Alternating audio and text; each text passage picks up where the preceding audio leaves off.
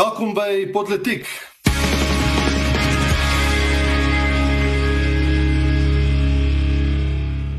Alright, my naam is Erns van Sail en vandag saam met my in die ateljee is Daniel Elof wie julle sal herken en dan uh, ons gas vandag is Jacques Broodryk wat uh, van AfriForum af my kollega wat hier so saam met ons vandag bietjie die nuus gaan kom help ontnonsens.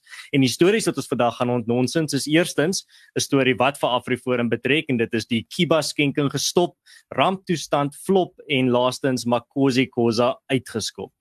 Ja, kom ons tot nonsens hierdie week se politiek en ons skop hierdie episode af met ons eerste onderwerp en dit is natuurlik die groot hofoorwinning wat AfriForum behaal het in uh, hierdie afgelope week en een wat ek self as prokureur op die saak vir julle kan sê vir my wonderlik is, maar nu, ek moet vir julle bieg ook redelik verbasend was en ek is ongelooflik dankbaar dat ons vandag op hierdie positiewe noot daaroor kan gesels. Hmm. Ja, Daniel, so die dis 'n baie eenvoudige saak hierdie, so ek gaan nie ongelooflik baie konteks hoef te gee nie. Um AfriForum het hierdie week 'n uh, dringende interdik bekom om die departement van internasionale betrekkinge en samewerking uh, of soos julle dit sal ken Durko te verhoed om 50 miljoen rand aan Kiba te skenk en dit was nou wat die ANC beskryf het as 'n 'n vriendskaplike skenking wat hulle wou gee aan hulle vriende daar op die klein kommunistiese eiland daar op die uh, die ver oor die see. Nou hierdie was 'n tydjie terug, 'n hele paar maande terug, het die ANC nogal baie trots op sosiale media aangekondig dat hulle beplan om hierdie skenking te doen en hulle het heel regtig gelyk as hulle so trots is om dit uh, so net vir die wêreld te verkondig. Het dit vir my nog al 'n idee gegee dat hulle het gedink hulle gaan net lekker hiermee wegkom en almal gaan vir hulle op die skouer klop en hande klap en sê jy's ou ouens, julle doen hom nou regtig goeie werk in hierdie wêreld. Maar nee, die uh, oorweldigende en ek praat reg ek sit regtig klem op oorweldigende meerderheid van uh, Suid-Afrikaners wat gereageer het op hierdie nuus was hiperkrities van die ANC en het hulle gesê wat doen julle? Hoekom is julle besig om miljoene op miljoene rande net uit te gee geld wat julle insamel van die Suid-Afrikaanse belastingbetalers af? En julle gee dit net vir julle maatjies en dan terselfdertyd kan julle nie julle salarisse betaal nie. Julle kan nie die huur betaal van baie van julle uh kritiese geboue waarvan julle instellings is nie, maar julle is nog steeds bereid om dan uh, hierdie bietjie geldjies daai uiteen te sit uh, om vir julle te vriende te gee. Dit was absoluut afskuwelik en dit is hoekom uh, AfriForum toe uh, ingestap het en gesê het, maar okay, ons gaan uh, ons gaan iets hieraan doen. En ons het toe vir dit uh, hof toe gevat en toe nou op 'n dringende basis en toe gelukkig nou hierdie week uh, het ons die ongelooflike goeie nuus gekry dat ons het die interdik is toe bekom en dit beteken nou dit is nog nie dit beteken nie die uh, die betaling is nou 100 100% afgeskaf en dit gaan nie gebeur nie is nou op ys gesit want die ANC kan nog in die met uh, kan nog in die tussentyd kan die ANC nog appeleer. Maar ons gaan nou sien hulle het daai geleide nou gemaak dat hulle gaan appeleer. EFF het 'n bietjie geleide gemaak dat hulle gaan appeleer. Uh, maar ons gaan nou sien op die op die ou end lyk like dit my nog steeds dink ek het Afriforum 'n baie sterk saak hierso maar die ANC lyk like my is nog steeds baie baie um baie voel baie sterk oor die feit dat hulle hulle moet nou vir hulle vriende hierdie geld gee. Hulle is vasbeslote om vir hulle vriende hierdie geld te gee. So hulle gaan aanhou veg vir dit. So kom ons kyk wat gebeur. Uh ons kyk maar bietjie of hy hoe uh, hoe lief is hulle vir hulle vriende daar aan die kant. Uh, Daniel, wat dink jy hierso gaan hier aan? Ek ek wil sommer net vir die rekord sê as as prokureur met wat betrokke is by die saak, daar's nie 'n manier dat hulle die interdik gaan op uh, gaan appeleer nie. Kom ons begin net daar. So eerstens dis 'n dringende saak. Mense appeleer nie dringende aansoeke nie. Tweedens dis 'n interim uh interdik. Met ander woorde, jy kan nie interim interdik appeleer nie. So hulle gaan nie appeleer nie en ek weet dis nou wat hulle sê in die media en selfs uh, na Lady Pandor het gesê nee, ons ons is reg, ons is ons het al klaar vir ons regspan opdrag gegee. Hulle gaan nie hierdie interdik wat ons nou gekry het opponeer nie. Wat van hier af gaan gebeur as ek so 'n bietjie vervelige proses vir julle kan vertel en vir al die luisteraars en Dis waar vir jy so is regkenner van politiek. Ja, ja, die die reg reg regse kenner. Ehm um, mm, mm. dis dis baie wat nou gaan gebeur is oor 20 dae met ander woorde later in April gaan ons ons hersieningsaansoek uitreik. En daai hersieningsaansoek gaan nie 'n dringende aansoek wees nie. Dit gaan 'n gewone aansoek wees waar die respondente kry hulle gewone hoeveelheid tyd om uh dis 20 hofdae om te opponeer 20 dae om antwoord daarna te gee. Ons kry dan nog daarna tyd om ons repliek te lewer.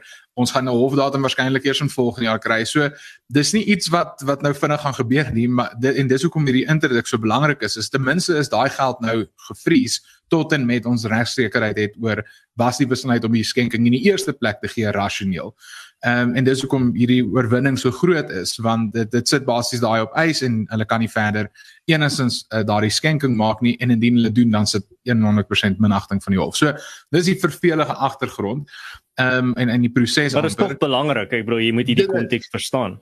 Dit is nie absoluut. En eh, ek wil van my kant dan kan ek dit sê dat ek is ongelooflik dankbaar. Ek dink dit is ons het flippend hard gewerk. Dit kan ek vir julle sê want dis ongelooflik kom, komplekse feite staan waarmee ons gewerk het. Dit gaan oor tesorie regulasies en minister van finansies se direktiewe dit gaan oor die African Renaissance Fund en sy wetgewing en die rol van die parlement en oorsig en hierdie hele ding. So dit was 'n enorme hoeveelheid werk in 'n baie kort tyd en mense is maar altyd bekommerd as mens so die dringende hof nader. En dis hoekom ek baie dankbaar is dat ons met hierdie wen kon wegstap en met 'n baie goeie uitspraak moet ek ook by sê 'n verskriklike crisp helder en eenvoudige uitspraak wat wat regter Neutjie gegee het en dit wys vir my dat sy het regtig geluister, sy het regtig gelees want wat mense ook vergeet is ons was nou daai dag verlede week donderdag in die hof maar da, die hofstukke self is 1700 en ek dink 44 bladsye gewees nê nee? hmm. met ander woorde sy moes deur al daai goed gewerk het en mense kan sien sy het mense kan sien sy was deeglik en dis hoekom sy regtig 'n goeie en gebalanseerde uitspraak op die einde gegee het Ek dink daar's iets baie vreemd en duister in die gang as mens kyk na die groter prentjie met die ANC en uh Cuba se verhouding. Want as ons kyk na na geskiedkundig, sekerlik ja, hulle verskoning is hulle het 'n geskiedkundige verhouding met Cuba, dis hulle vriende, die struggle daai, ja, ons weet dit. Maar kom ons kyk so 'n bietjie vroeër terug in die geskiedenis, jy die ANC bewind gekom het, dan kyk ons na al die vreemde ooreenkomste en onderhandelinge wat daar met Cuba was. Die vreemdste goed dokters ingevoer wat mense se verkeerde bene afgesit het as jy daai stories nog kan onthou. Vreemde medikasie wat aangekoop word, gereelde skenkings, ingenieurs wat ingevoer word, um en werk gegee word bo Suid-Afrikaanse ingenieurs. Um weet by uiteraard van die saak nie net eers gewone swart ekonomiese bemagtigingsbeleid nie, selfs bo swart um Suid-Afrikaanse uh, ingenieurs is Kibane werk gegee. Dis baie vreemd. Uh baie mense sal maklik spring tot die konklusie en sê ja, nee, ja, die regering het 'n obsessie met Kiba, maar ek dink as mens logies daarna kyk, is daar iets anders as obsessie en en ek ek ek gaan nie verbaas wees as my vermoedens reg is dat die geld deur sekere rekeninge gaan na sekere mense toe en weer terug en dis meer en, en ek dink dis dis werklik wat hier in die gang is. Al die skenkings wat in Kiba gemaak word, is maar ek dink ek is 'n manier um, om geld te was. Ek het natuurlik nie bewys daarvoor nie, maar dis of my die mees logiese antwoord wees. Eerder om te sê die regering maak vreemde besluite rondom Kiba. Ons weet die ANC doen niks sonder dat daar nie ietsie vir hulle daarin is nie. So ek dink dis iets wat mense fyn moet ophou. Hmm. Ja, wel en ek dink net uh, iets wat ons net hier kan bylas is as ons kyk na ehm um, die die groter prentjies wat jy daar genoem het Jacques, is uh, daar's 'n baie lang lys van uh, ANC uh, wel uh, allerlei snaakse uh ooreenkomste wat die ANC met Kiba gehad het. Uh, en dit is eintlik iets wat ek nou die afgelope tyd na gekyk het. So ek's besig met 'n verslag wat onder meer gaan kyk na wat uh, wat Kiba uh, wat hierdie verhouding tussen die ANC en Kiba en dit gaan later hierdie jaar uitkom. So uh, dit is nogal skokkend van die goed wat ek gevind het. Uh, maar tog as jy kyk na ek dink dit was 'n uh, tydjie terug het iemand ook gesê uh uh hoe gaan dit met uh hoe gaan dit met Kiba en uh toe dit uh op op Twitter en toe sê iemand wel hierso is hoe dit gaan en toe post hulle 'n foto van hulle hoofstad Havana en as dit net soos hierdie stad wat uitmekaar uitval. So ek dink mens kan definitief sê uh Kiba sou kon doen met 50 miljoen. Nou as mens praat oor uh, nou gepraat van uh bandjies vir boeties of baie bandjies vir kaders, uh iets wat anders wat dit ook uh betrek het en iets anders wat dit ook behels het was definitief die ramptoestand iets wat baie van die korrupsie hier plaaslik uh help plaasvind het en uh, ook uh, vergemaklik het en dit is iets wat nou uh, die afgelope tyd in die nuus was uh aangesien uh, president Ramaphosa nou vir ons die nuutste uh storie daar rondom gegee het veral nou gisteraand in uh, toe hy die uh, uh la, land toegespreek het. Daarna wat jy vir ons bietjie meer daaroor Ja, ek het ek het 'n kort sinopsis. Ek kan vir julle opsomming gee. Basies het hy gesê hulle hou van al die magte wat hulle afgelope 2 jaar gekry het en nou gaan hulle dit maar net in nuwe regulasies sit en dit nie meer 'n ramp noem nie. Dis dis letterlik so eenvoudig soos dit. Uh, ek bedoel ons het regtig ek dink klomp van ons het verwag die regulasies gaan nou verander. Die die inperking gaan nou stop. Uh veral in die lig van al die verskillende hofsaake wat op die oomblik plaasvind en die drukte in die regering en die hele burgerlike samelewing wat draai teen die regering. Ek wil daar is vandag weer 'n artikel dink ek in die Daily Maverick deur professor Madi en klomp ander deskundiges wat sê dis absoluut irrasioneel dat hierdie ramptoestand nog enigins in plek is. So die gety het nie net begin draai nie, die gety is klaar gedraai. Dis dis absoluut teen die ANC op die oomblik. Ons sien die res van die wêreld, ons sien uh, die sportstadione is vol, mense gaan fliek, die lewe is weer normaal 2 jaar na die pandemie begin het en tog hier in Suid-Afrika is ons nog steeds besig om hierdie debatte hê oor wel 1000 mense binne huis of 2000 as dit buite is afhangend van of die mense ingeënt is. Ek bedoel dis dis net ons is net absoluut agter en alwaaroor dit gaan is die ANC daar's dis net twee verduidelikings. Of die ANC wil hierdie mag behou want hulle is mag behep of hulle is net eenvoudig nie bevoeg genoeg om te weet hoe om met hierdie pandemie te werk sonder die die ehm um, die die maatreëls in plek nie of is 'n kombinasie van beide daai twee verduidelikings maar dis al wat dit kan wees.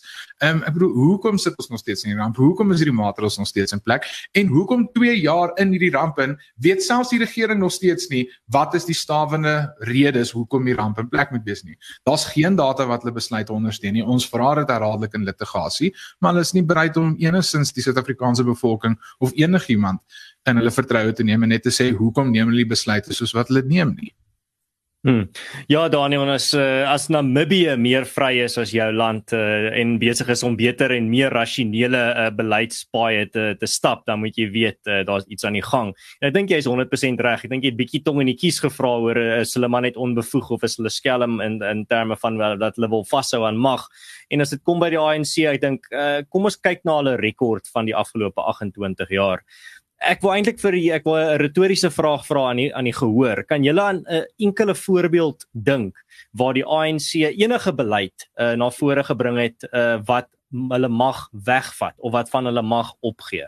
Die tye wat hulle dit wel gedoen het, was tye waar hulle geforseer was of deur 'n hof of deur hulle nie genoeg geld het nie of dat hulle net absoluut deur ongelooflike wanadministrasie per ongeluk vryheid teruggee aan die burgers van Suid-Afrika. Maar my vraag is probeer dink aan 'n voorbeeld waar die ANC vrywillig vir die vir die burgers van Suid-Afrika deur 'n beleid of deur 'n 'n wet meer vryheid gegee het en vir hulle self minder beheer oor enige faset van die samelewing gegee het. Dink bietjie daaraan. Ek dink jy gaan bietjie sukkel net soos om 'n diewering in Orania te kry. Nou, as dit kom by uh, die groter kwessie hierso, is dink ek dink ek definitief moet is daar 'n groot handeklap wat uh, die burgerlike samelewing van Suid-Afrika verdien. Uh, en dit is nie net organisasies soos AfriForum nie, dis ook organisasies soos Deur SA, dis organisasies soos Sakeliga, dis organisasies soos uh, Solidariteit. Dit is oppositiepartye ook. Wat wat elke alles wat hulle gedoen het om die uh in hulle eie kapasiteit om die uh um 'n uh, noodtoestand uh, aan te vat. Nou party het meer as ander gedoen, party het maar meer net uh, gekritiseer, ander het uh, eintlik die regering hof toe gevat, maar uh, nietemin wat op die ou end vir my belangrik hierso is, is ek dink ons moet ook bietjie osself probeer verbeel in watter situasie ons sou gewees het sonder enige teenstand van die burgerlike samelewing af teenoor van die drakoniese drakoniese wette en ek dink as jy eers bietjie daai in jou geestesoog begin dophou, dan gaan jy agterkom eintlik hoe ongelooflik bevoordeel en geseënd ons in in Suid-Afrika is om baie van hierdie dapper organisasies en dapper individue te hê wat hierdie drakoniese wette aangevat het en die regering eintlik op hulle eie met hulle eie geld uh hof toe geneem het. Van hulle het misluk van hulle is suksesvol maar to, tog is dit die probeerslag wat wat tel op die ou end uh deur net uh weerstand te bied teen onderdrukking en teen uh irrasionele beleide. En ek dink dit is nogal iets wat ehm um, van my kant af absolute uh, ek my hoed afval uh, vir al die organisasies wat saam met AfriForum ook geveg het die afgelope 2 jaar. En dit gee nogal vir jou hoop. Dit is iets wat vir jou wat regtig vir jou trots maak om deel te wees van wat jy doen. Uh, veral as jy sien dat daar's dit gee vir jou nogal daai moed as daar ander mense rondom jou is wat skouer aan skouer in die loopgrawe uh, teen hierdie soort beleide staan. En dit gee vir my nogal 'n 'n bietjie meer hoop vir die toekoms en uh, alle voorspoed daarsaan almal wat uh, wat saam veg vir vir hierdie saak Ek dink Ernst is is heeltemal korrek. Ons moet baie dankbaar wees in Suid-Afrika dat ons hierdie kultuur van um, van van burgerlike burgerlike uh civil society, burgerlike organisasies het wat wat teen hierdie hierdie wette opstaan. Dis kan natuurlik dat die teenargument maak en sê as dit nie vir die korrupsie en konstante magsvergrype was nie, sou dit nie nodig gewees het vir so 'n kultuur nie. So 'n kultuur sou dalk nie ons nie nooit bestaan het nie. Maar nietemin is ons nou in die situasie wat ons is vandag. En maar ek dink die belangrike ding hierso die volgende stap gaan wees om om hierdie hierdie hierdie sinnelose regulasies wat ons weet hulle nou in permanente wetgewing probeer omskep Die volgende stap om dit te teen dit te beklei, gaan wees vir individue om te begin betrokke raak in burgerlike verset. Mense gaan eenvoudig daai stap moet neem en hulle nie meer steur aan hierdie regulasies nie. Mense moet ophou om hulle maskers te dra. Mense moet ophou om hulle hande elke keer te spuit wat iemand vir sê moet gespuit word. Um, dis enigste hoe mense werklik gaan gaan terugbeklei teen die goed. Jy gaan op die punt kom waar die waar die waar die winkels bestuur self voel dis nou meer moeite om elke keer iemand aan te spreek om sy masker op te sit as wat dit is om vir die gesondheidsinspekteur wat miskien een keer in 6 maande net bykom te sê hoekom hy dit nie doen nie. Ja, dis my persoonlike mening. Ons kan ons kan litigeer soveel ons wil, maar um, die ANC gaan duidelik duidelik aanhou druk hiermee. Hulle wil 'n permanente reëling maak. En dis dis absoluut vergaan. Dit is onlogies. Hoekom hoekom op die SAD wil jy permanente wetgewing aanpas dat mense met maskers dra? Daar's daar's geen logika agter dit nie. Daar's geen geen rede nie. Hmm. Hoe verander die die sosiale afstand ehm um, limiet ewe skielik van 1.5 meter na 1 meter? hierdie virus nou begin lei raak, vlieg hy nou nie meer so ver nie. Wat waar is die logika in daai? So ehm um, ek dink dit ja. gaan ons ons ons as burgerlike samelewing moet ons rol speel, maar individue moet ook begin om om stand te hmm. neem. Ja, dit is soos wat ek gesê het gereelde politiek is dit dit gaan oor daar's verskillende ek wil amper sê battlefields, daar's verskillende forums waar ons hierdie hierdie stryd van idees moet voer. Uh en deel van burgerlike samelewing se plek is in die howe soos wat ons nou hierdie week gesien het met hierdie Dirko saak en die Kiba skenking. Deel van die plekke is om aan te sluit by die burgerlike uh, organisasies as jy 'n individu is, maar deel daarvan is ander druk. Deel daarvan is om dit klink vreeslik om dit net so kras te stel, maar stem beter. Ek wil jy kry elke kort kort hierdie hierdie geleentheid om om net beter te wees en soos wat wat Gandhi baie bekend ons gesê het uh, wees lekker. Uh, Almal kry die geleentheid elke paar jaar om lekker te wees, maar tog uh, ons sien dit nie noodwendig altyd so gebeur nie. En jy jy moet presies wat jy sê betrokke raak en hierdie is nie is is absoluut 100% dieselfde ding. Die ramptoestand is waarskynlik die grootste bedreiging vir Suid-Afrika se bestaan, vir ons ekonomiese bestaan, maatskaplike bestaan, ons politieke bestaan van die af van die afgelope ek dink 10 jaar. Dis dis baie groter as wat ons besef want ons dink o, maar dis vir 'n goeie doel. Met ander woorde ons dink oor dat die motiewe reg is ten minste vir 'n paar mense dink hulle motief is reg regverdig hulle hier vergrype regverdig ons hierdie inperkings. Ekskuus anders ek sien jy wil uh, bylas gaan gerus. Nee Daniel ek lag maar net vir die feit daai van daai hele idee van is hulle motiewe reg kan nie ek dink daar's so min voorbeelde in die geskiedenis van enige leier of regering wat soos dink ek gaan net hierdie doen want ek's boos. Ek gaan net hierdie doen want uh, uh ek wil mense seermaak. Mees die meerderheid van figure en regerings en regimes reg oor die wêreld, maak nie saak hoe drakonies of demokraties hulle is nie, voel dat hulle is die goeie ouens teen die slegte ouens en ding is wit wit hoedens teen swart hoedens. Hulle dink hulle is die goeie ouens. Ek bedoel vir, kyk net maar sommer na hierdie Oekraïne um Rusland konflik. Dink jy regtig die Russe dink nou o ons gaan net doen want ons is boos of die Oekraïners dink uh, ons gaan nie oorgee nie want ons is boos in hierdie uh, wat ook al. Maar wat vir my uh, of uh, dat enigiemand van die twee kante dink hulle is hulle is die slegte ouens. Nou as dit kom by uh, by hierdie hele ding van die van uh, die die noodtoestand of die uh, uh die uh stop wel al die inperkings wat saam met dit ook kom moet ons iets nog onthou wat ons al voorheen op politiek gesê het en dit is dit gaan nie oor wat tans die wette of wat tans die regulasies is nie soos jy moet nou 1 meter van mekaar af wees of jy, jy hoef nie meer buite 'n masker te dra nie. Die groot risiko en die groot gevaar is dat solank as wat die ramptoestand in plek is, kan dit ons altyd net so teruggaan na die vorige regulasies wat daar was. Môre kan die ANC sê ons gaan nou weer uh jy moet nou weer maskers oral dra. Môre kan die ANC sê um jy mag nou weer net uh 2 of 3 mense uh, in 'n kamer wees of by in 'n by mekaar komplek wees. Solank as wat die ramptoestand aan die gang is, kan die ANC môre weer sê strande is nou gesluit of uh, daar's nou weer 'n aandklok reël ingestel oh, jy mag nie meer gekookte hoender koop nie, jy mag nie meer plakkies koop nie. Ehm um, hierdie al hierdie goed kan net so, solank as vir die ramptoestand bestaan, kan dit net so as die ANC voel hulle wil doen, kan dit weer terugbring. Dit is hoekom dit so belangrik is om dit te stop. So mense kan nie die argument maak deur te sê, ag wat, maar nou baie van die regulasies is nou verslap nie, die ramptoestand is eintlik nie meer so erg nie. Ons hoef nie nou regtig meer daarteen te veg nie. Dit sal in elk geval môre of oormôre of volgende week gaan jy gaan dit weg wees. So moenie moenie bekommer nie. Uh meeste van die regulasies is in elk geval nou heeltemal afgewater nie. Jy kan nie daai argument maak nie want solank as wat die mag hierso is wat die wat vir die ANC gegee word deur die ramptoestand, kan Cyril Ramaphosa môre oggend wakker word en besluit maar ek dink nie ek dink ons moet dit verbied dat mense pizzas mag koop want pizzas versprei COVID-19 baie meer as uh, Kentucky. of wat ook al die die rasionaal is. Ek bedoel daai is net 'n opgemaakte scenario, maar dit maak net soveel sin soos baie van hierdie goed wat die ANC gedoen het die afgelope 2 jaar.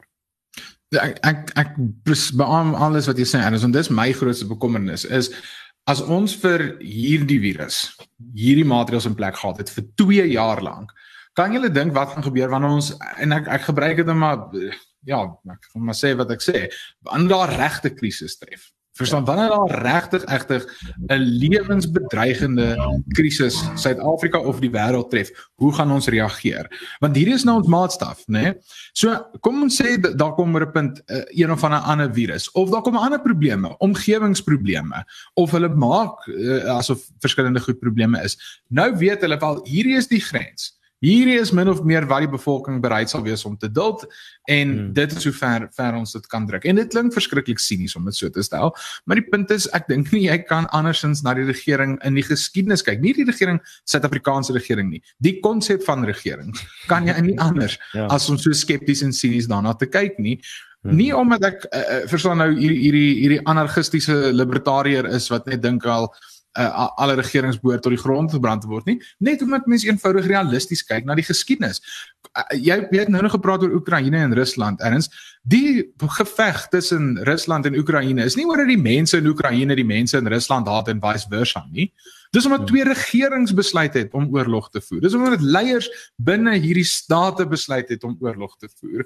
Ek, ek bedoel as jy 'n referendum gaan gehou het in beide lande, kan ek vir jou beloof, was daar nie nou 'n uh, uh, oorlog gewees waar jy 'n meerderheid van Rusland nodig gehad het om te stem vir die oorlog en dan sou hulle uh, vir Oekraïne ingeval het nie. Dit gaan ja. oor die die mag van die staat en dit wat state motiveer, dit wat state se besluite onderskraag En hier sit ons en dis hoekom dit belangrik is om 'n streep te trek met uh hierdie hierdie regulasies. Maar nou ja, ehm um, en as ekskuus, ek het nou lank hierso gepraat. Ek ek gee oor aan jou meer rustige stem.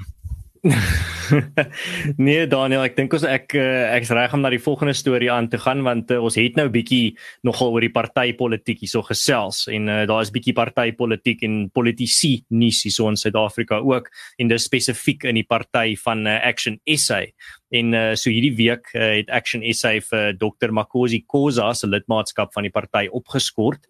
Uh, die besluit is geneem op aanbeveling van die party se etiek en dissiplinêre komitee.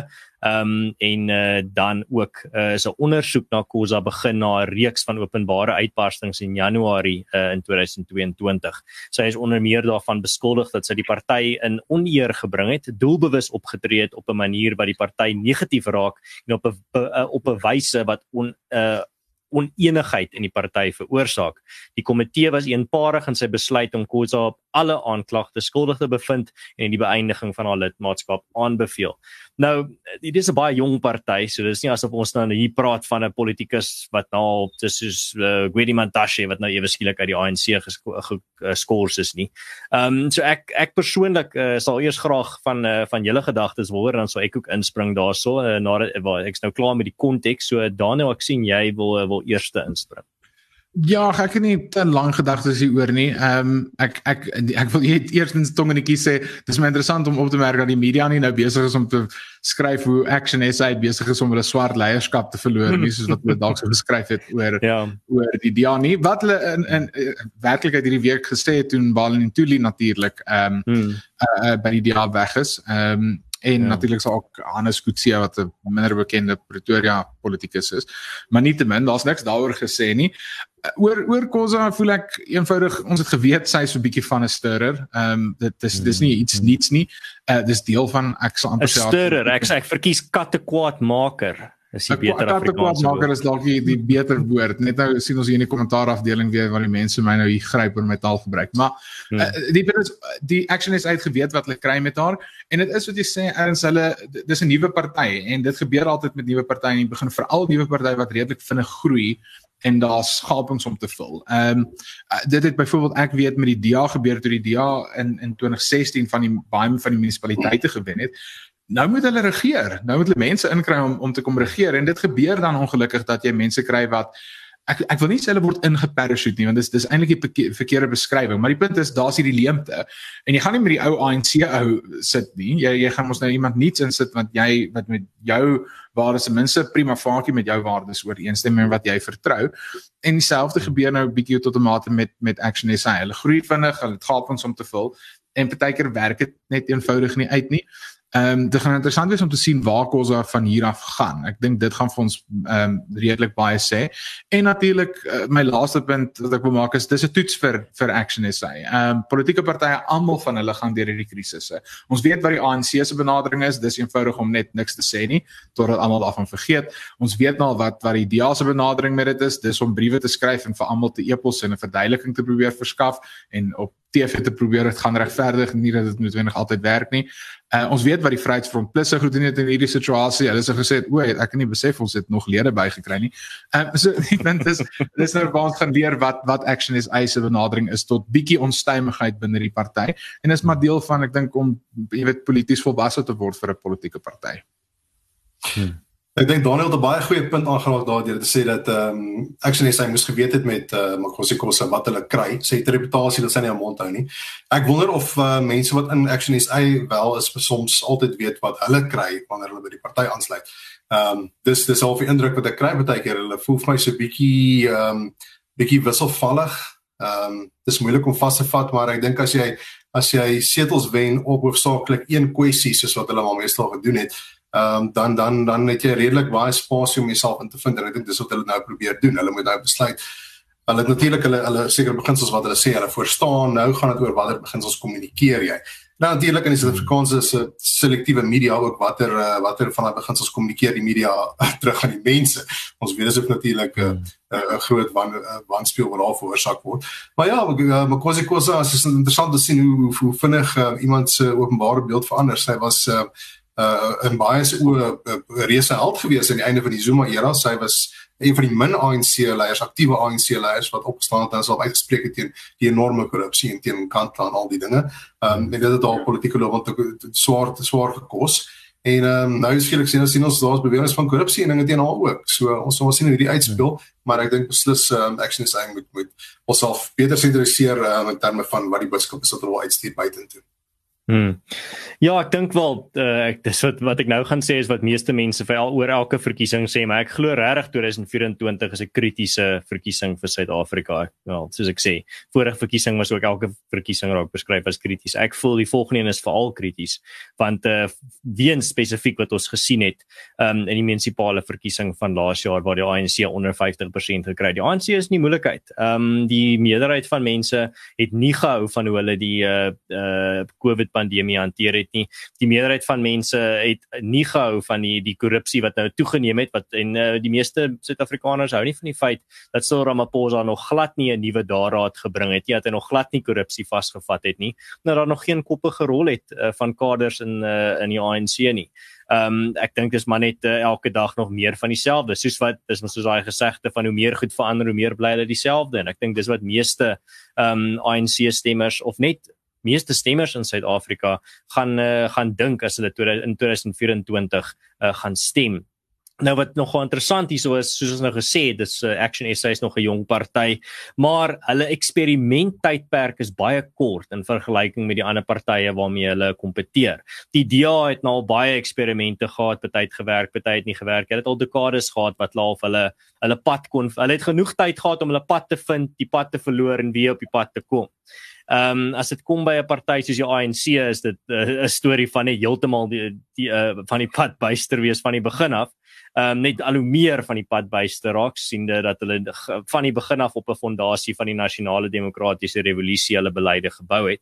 Maar as dit kom by Action SA is dit interessant want hulle is nou nie op die uh, nie op die toneel en hulle het nou regtig baie min tyd en vir hulle veral is 2024 'n maak of breek verkiesing. As hulle nie in 2024 'n groot stempel op die Suid-Afrikaanse politieke toneel plaas nie, is dit die einde van daai party. Dit ek moet baie frank wees as ek kyk na wat hulle vooruitsigte na lyk. Dit is nie 'n party wat vir my lyk of hulle ongelooflik baie geld agter lê soos byvoorbeeld 'n uh, van die buiteland af of groot skenkers het nie. Ek dink baie van dit kom dalk uit uh, baie van hulle se eie sak uit en dan hulle kleiner en medium skenkers. Ehm um, maar ek dink as dit kom by die volgende verkiesing as hulle nie 'n groot impak maak nie en ek bedoel regtig 'n 'n merkwaardige impak nie net soos 2% 3% nie.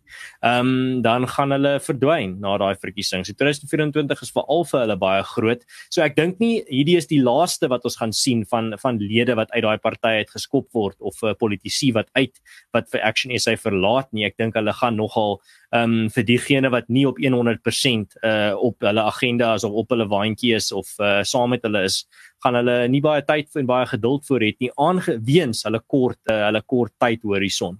So ek dink dit is wat ons dalk hier so aan die gang sien is dat ons gaan miskien disproporsioneel meer ehm um, van die uh weggooi van uh, uh van die ou hout uh sien dalk by by hierdie party eerder as wat ons nou sal sien by van die ander wat al baie meer van 'n gevestigde uh groep politici het. Maar dit is 'n baie interessante paar jaar tussen nou en 2024 soos ek gesê het gaan 'n baie groot verkiesing wees. Dit is ook die jaar wat uh die Suid-Afrikaanse verkiesing en die Amerikaanse verkiesing op dieselfde jaar gebeur. So julle kan weet dit is 'n absolute aaklige jaar en ek sien glad nie daarna uit nie. Um, maar ek ek seker ons sal dit daardeur maak en uh, dat ons uh, siele sal bewaar wees en dat ons almal vir mekaar ook aan die ander kant weer in 2025 sal sien. Ons gaan dalk baie uitgeput wees. Uh maar ja, uh soos ek sê, dit is 'n uh, groot jaar vir nie net Suid-Afrika nie, maar ook Amerika en uh dit gaan dit, ek dink ook nogal baie druk sit uh op ons eie nuus siklus aangesien baie mense ook nogal gaan moet besluit waar hulle hulle aandag gaan fokus of hulle nou oor die see gaan kyk of plaaslik gaan kyk. Maar ja, uh soos ek gesê het, ek sien nie regtig uit daarna nie, maar ag wat, dis nou maar die aard van sake. Ek kan nie wag nie. Maar nou ja, die politiek uh, kan ons nie wag nie. absoluut, absoluut. Maar nou ja, dit bring ons aan die einde van die episode. So Skiba se vooruitsigte om 'n 50 miljoen rand skenking te ontvang is hierdie episode vir nou ook eers verby. As jy hou van wat ons doen hier op politiek teken gerus in. Ons nooi ook uit onsself tot nonsens in die kommentaarafdeling en op ons Telegram kanaal dat jy ook lekker saam met ons daar kan gesels.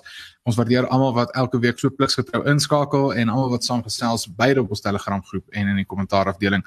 As jy hou van wat ons doen hier by Politiek, kan jy ook natuurlik vir ons uh, op Patreon besoek of op Buy Me a Coffee. Dis julle wat sorg dat ons elke week die week se nuus vir julle kan ontnonsens en dit hou ons aan die gang en dit sorg dat ons dit self sal deurmaak tot die FSA in Suid-Afrika se volgende verkiesings. Uh, en dan natuurlik uh, kan jy volgende maandagooggend inskakel om 8uur vir ons weeklikse nuusflits tot volgende keer.